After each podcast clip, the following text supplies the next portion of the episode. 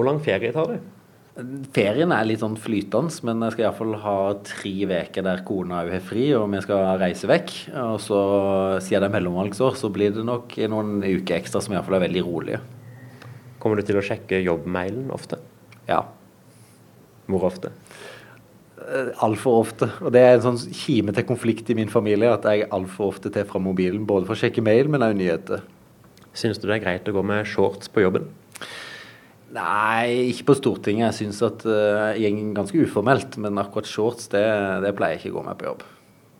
Så selv da det var 30 grader varmt ute og dere satt inne og forhandla revidert nasjonalbudsjett, det gikk ikke i shorts da? Jeg gjorde faktisk ikke det, men vi er heldige med at det er god ventilasjon her. da. Så det er mer sånn at en får sjokk når en kommer ut døra, og det virker som du landa i et afrikansk land nesten.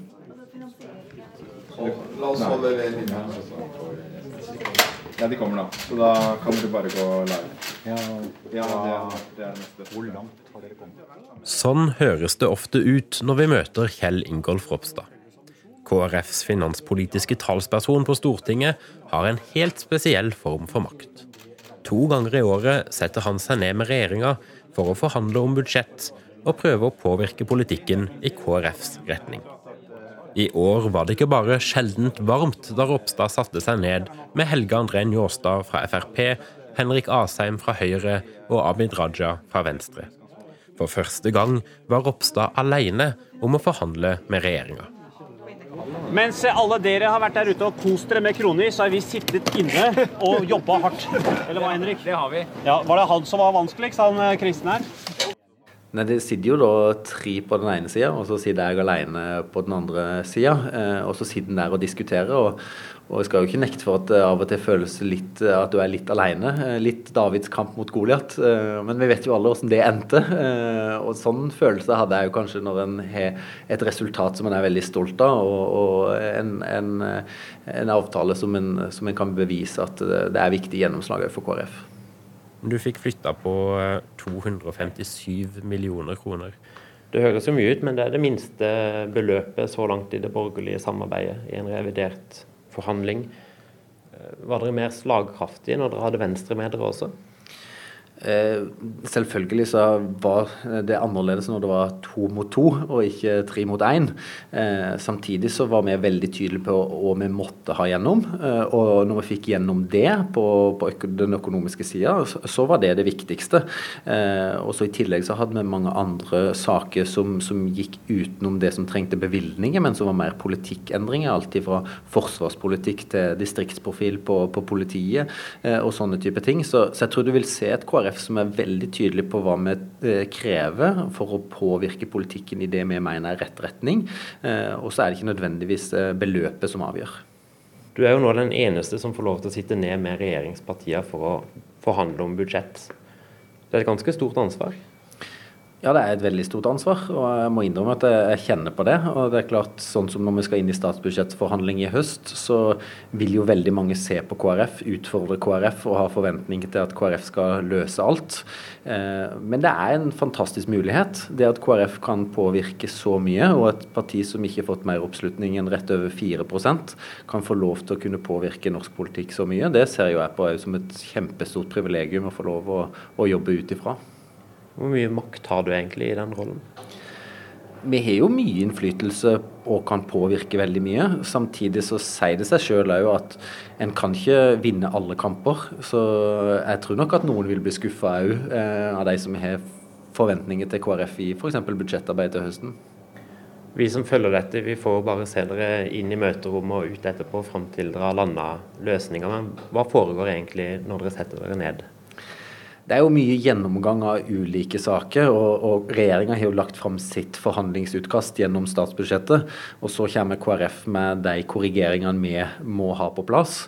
Så ofte så er det sånn at uh, jeg går gjennom alle mine krav og forteller hvorfor det er viktig. Og så i ulike møter da, så responderer regjeringspartiene på det, og vi diskuterer og prøver å finne kompromisser eller, eller, ulike løsninger.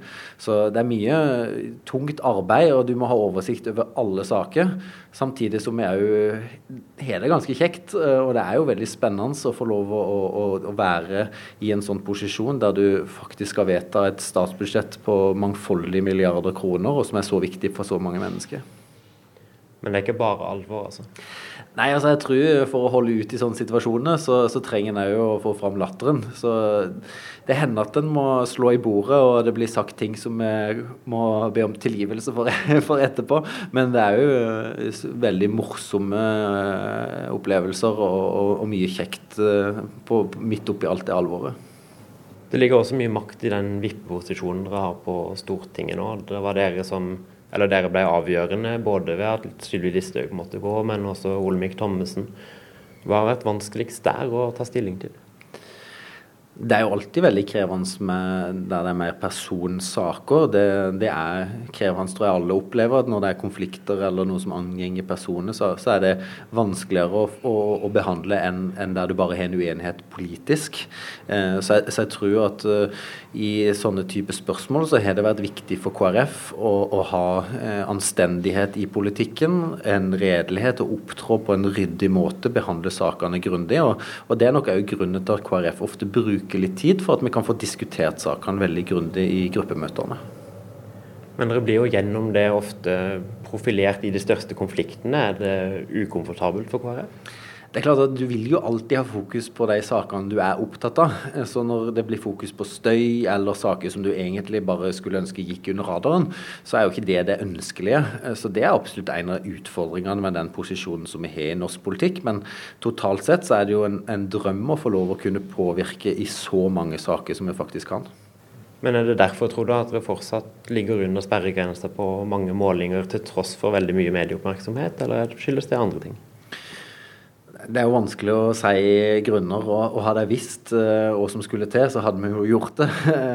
Men det året som vi har lagt bak oss, har jo KrF fått vanvittig store gjennomslag. Enten det har vært uh, for et varmere samfunn og inkluderende samfunn når det gjelder ordninger for, for familier med sterkt pleietrengende barn, eller flere lærere i skolen, eller en kamp for, for miljø og fattigdom.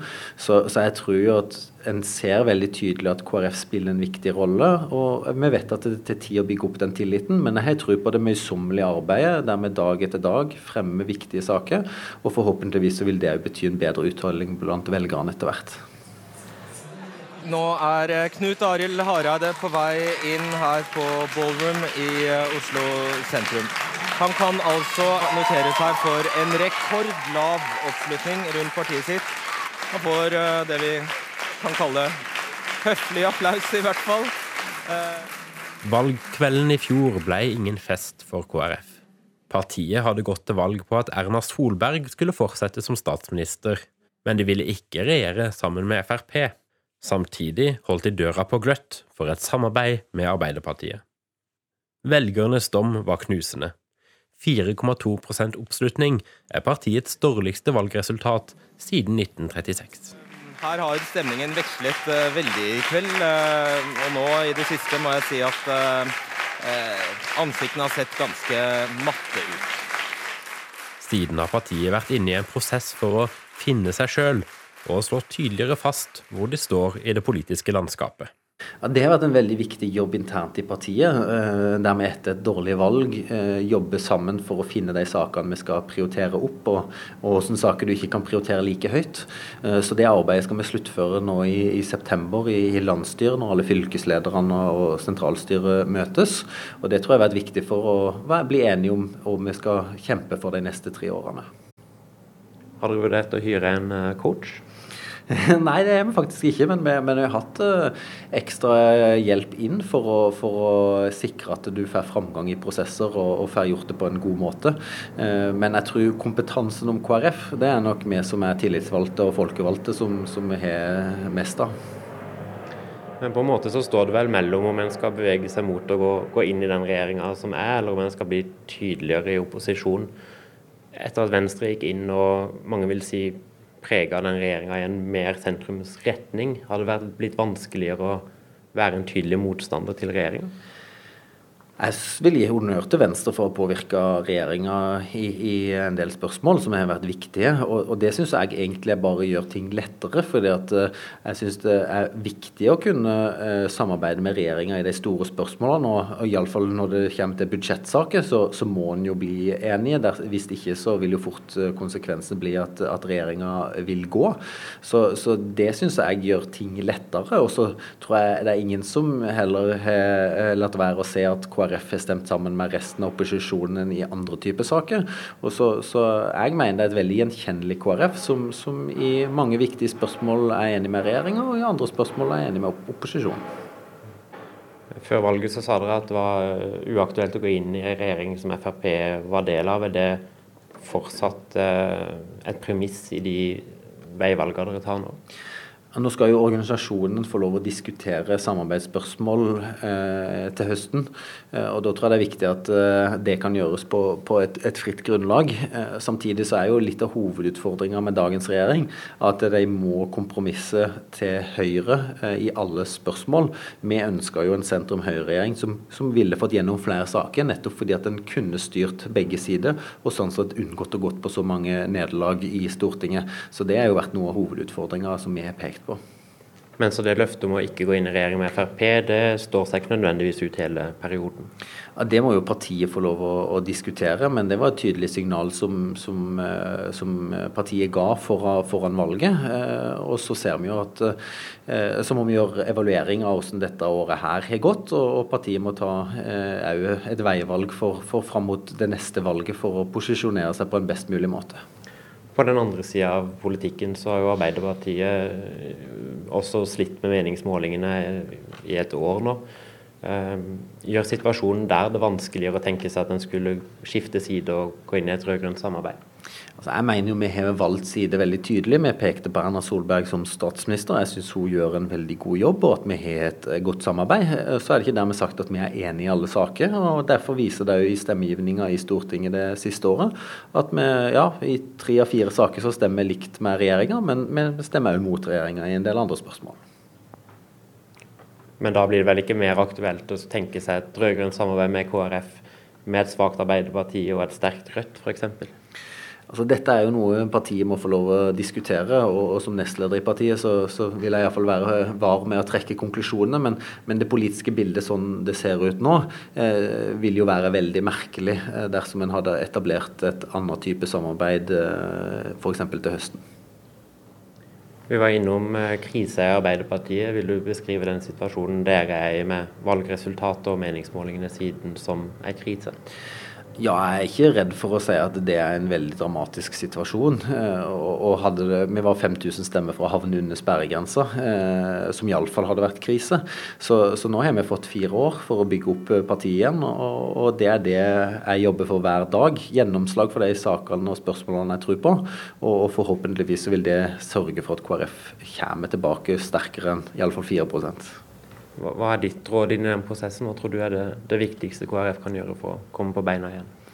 Jeg tror jo det er når vi har fokus på politikk, enten det er eh, å sikre et samfunn som tar vare på viktige fellesverdier, de kristne røttene, og at det ikke bare er noe historisk, men noe som vi trenger inn i en ny tid. Å skape et, et samfunn som er inkluderende, der det er plass til alle. Og at verdien til hvert enkelt menneske det ligger i den du er, ikke hva du presterer. Det tror jeg vi alle trenger. Eh, så bygge opp om de små fellesskapene, familiene, lokalsamfunnene, og samtidig ta vare på eh, miljøet og ha et fokus utover Norges grense. Et sånt verdiparti, det tror jeg virkelig Norge trenger. Og jeg tror at et sånt tydelig prosjekt, det vil òg gi uttelling på, på målingene.